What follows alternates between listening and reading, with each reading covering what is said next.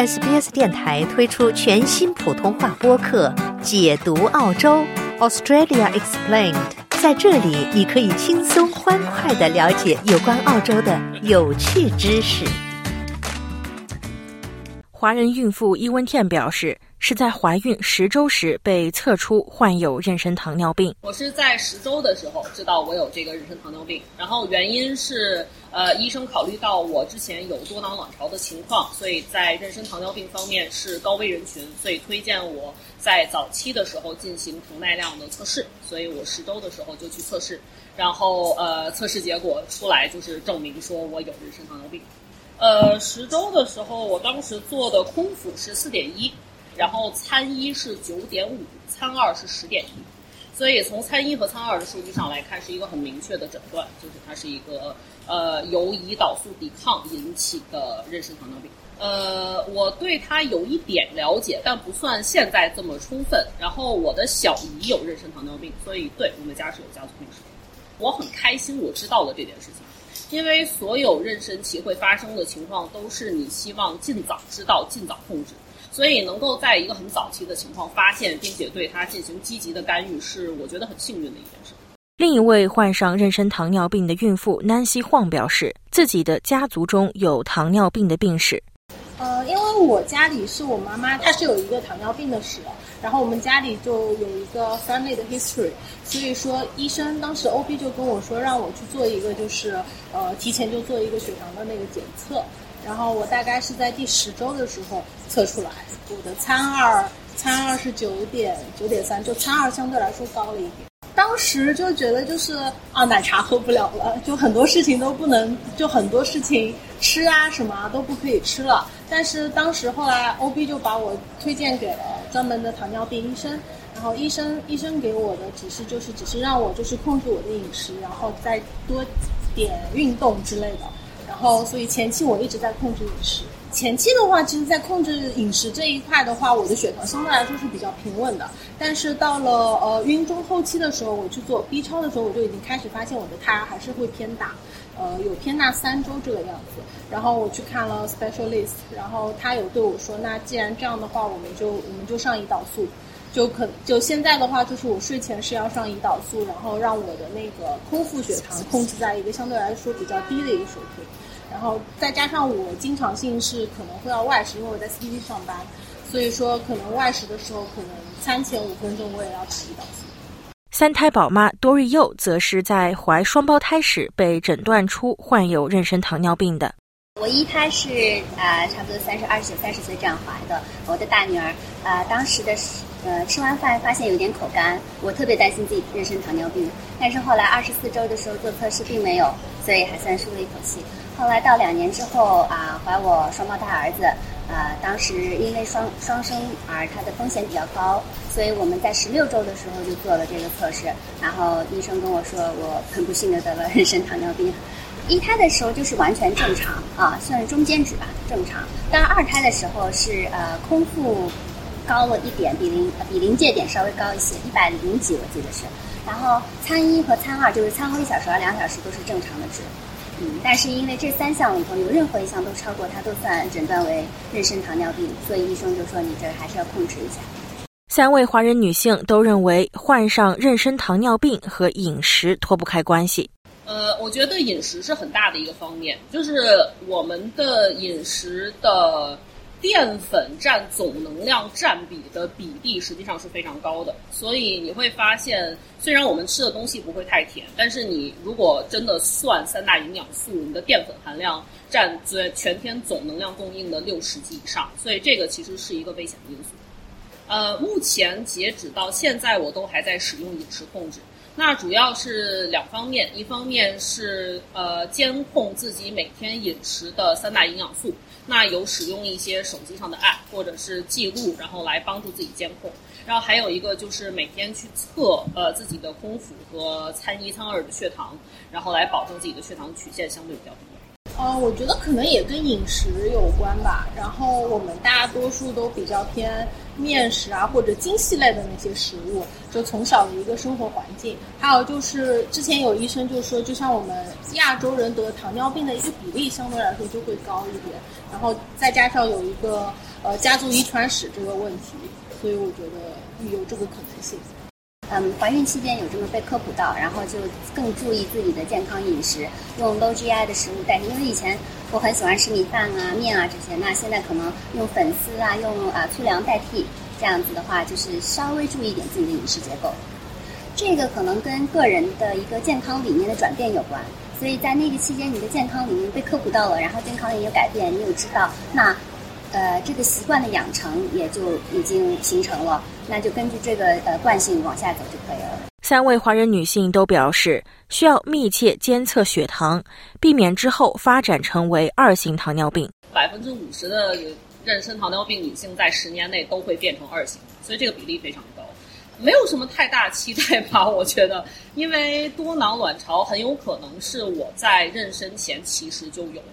胰岛素抵抗的情况，只是当时没有发现而已，所以之后应该还会继续监控，然后健康生活。呃，肯定是不希望太早变成二型糖尿病，对，所以说一般可能呃孩子生完之后还是相对来说要控制一段时间的，就是饮食，整个饮食结构还是相对来说是一个 low GI 的一个状态，我是觉得，但是感觉这个好像是不能避免的，就可能年纪大上去了。再加上有家族史，呃，二型的话还是一个比较高的几率的自己，只是会当你越不能吃什么的时候，你会越想要吃什么，然后到后期的话，就再加上自己可能很长一段时间都没有吃，会对一些食物的渴望会越来越高，越来越大。但是相对来说，我会觉得就是等我生完了孩子之后，我会更加知道自己有些什么可以吃，有些不能吃了。吃完饭现在会经常出去走路，然后有一些运动，因为我本身是有经常在家运动或者去健身房之类的，但是就是呃，可能现在就觉得好像还是要更多的运动，然后再加上配合健康的饮食，可能相对来说整个人的身体状况会更好一点。就我是比较坦然的来接受这件事情，因为我有经常有看到，就是有不同的妈妈会觉得，她做血糖测试之前，她要控制一段饮食，然后来让自己有一个比较好的一个状态。但是其实并不是的，你的代谢是怎么样就是怎么样的。这个啊，孕期的话，还是就是注意自己的饮食膳食，然后还有啊，注意要稍微多走动一下。剧烈的运动可以避免，但是我们可以多走路。啊，这样避免呃久躺或者避免说吃完就躺这么一个情况，消耗一下血糖中的这个糖分。然后产后的话，嗯，本身这是对我们自己身材的恢复有帮助，所以可以逐逐渐的去加一些运动量。然后吃饭的话，可以用呃更健康的方式去替代以前高油高糖的这么一个，如果有的话这种状况，那呃对自己本身的健康也是有益处的，所以这也是一个呃方向吧。呃，哺乳期间你的呃新陈代谢还是很快。那你就保持正常的这样健康的饮食，并不是说要饿到自己，而是呃吃一些高蛋白的，然后补充多补充水分，然后加上一些粗粮的替替代品，保持这样的健康饮食，然后能够嗯在这个呃保证母乳的产出的情况底下，还能够达到高呃高嗯 metabolism 的这样一个瘦身的效果。这样保持呃保持健康的饮食，然后啊在有一些运动的情况底下，就可以。嗯，把你的血糖降低，然后恢复到正常水平，来预防这个乙型糖尿病的形成。昆士兰大学医学院内分泌学主任教授陈晨介绍了澳大利亚在妊娠糖尿病方面的诊断标准。咱们这里一般来说诊断呢，是在怀孕二十四周的以后才开始做这个啊糖耐量实验。那么糖耐量实验在二十四周的时候，它等于给你饮用七十五克的这个葡萄糖。然后饮用之后呢，在饮用之前是你的空腹血糖，然后一小时和两个小时的这血糖都要测定。那么一小时的血糖呢，空腹的血糖应该在五点一，一个小时的血糖应该是小于七点八，然后两个小时应该是小于八点五。这个呢是一般我们作为诊断标准。如果高于这个数值，那么就说明你是有问题。尤其是如果它比如高于六点九，在空腹一个小时大于十，两个小时大于八点五，这时候就很严重的提示你是有这个孕期糖尿病。另外，咱们还有一个呢，就是在空腹抽血的时候，可以从血里头去测你的糖化血红蛋白，我们叫 HbA1c。这个呢，如果大于六，就可以诊断你是有这个孕期糖尿病。那么在二十四周之前呢，我们一般有时候会做一些空腹血糖。大大家都知道，你早上起来可以拿血糖仪，自己可以去测一下。如果你的空腹血糖大于五点三，那么就提示你有这个的可能性，需要去看医生。现在的诊断标准大约是这样。澳大利亚卫生与福利研究所最近的一次统计显示，全澳洲亚裔女性整体得妊娠糖尿病的比例为百分之三十左右，其中东北亚包括华裔群体在内的患病率为百分之二十四。远远高于欧裔女性百分之十二至百分之十五的数值。那么，他们做了五万四千名这个孕妇的统计研究，从这个上头可以看到，咱们亚裔人的确是比欧裔妇女的比例要高很多。我觉得华裔或者咱们亚裔的这个多发因素呢，主要有这么几个，一个呢是咱们的遗传因素。其实啊，我们都知道，亚裔人的糖尿病的比例本来就比欧裔人要高。在咱们的这个基因里头，这个胰岛素的信号分子变异的这比例要远远要高于欧裔人，所以这是为什么咱们亚裔人，比如整个人群的糖尿病，在咱们中国大约是百分之十二，而在欧洲呢，大约是百分之六点几，那么两者之间呢要差出一倍去。所以第一个是遗传因素，咱们的确比他们的糖尿病的比例要高。第二个是咱们的饮饮食习惯。咱们华裔食，呃，这个食物里头的淀粉含量要远远高于欧裔，大概大家也都有有有这个体会，咱们都喜欢吃米饭、吃馒头啊。北方的话，而不像欧洲人，他们主要是以肉食呃为主，他们这个面包用的量要比咱们要小得多，所以高淀粉饮食也会引起糖尿病，而且高淀粉还会刺激。咱们的胰腺啊、脂肪啊、肝脏等有一些慢性的炎症反应，这些都会诱发胰岛素的发生。第三个就是咱们的生活习惯，尤其在怀孕以后，咱们亚洲人对怀孕的妇女多数都是要让他们休息，多增加营养，而不提倡他们做太多的运动。这个呢，也和这个孕期糖尿病发生的比例要高有关系。所以这个主要是它的三个原因。陈晨教授表示，中国妊娠糖尿病的发病率低于澳洲，主要有以下的一些原因。中国一般他们诊断的时候，并不是说所有的人都去做这个诊断，就是说中国去看病的比例要比国外要低。所以中国真正在城市统计这个数据的时候，常常都是一些呃，我们讲叫教育水平比较高的，啊，经济状态比较好的城市人口。为主要的统计来源，这样呢就使得这个并不能真正反映中国整个族裔人群里头的糖尿病的发生率，而应该说是在经济状态比较好、教育程度比较高这些人群里头的啊妊娠糖尿病的比例，所以他们的比例数据要比咱们要低，要在比澳洲的亚裔人群的糖尿病比例要低。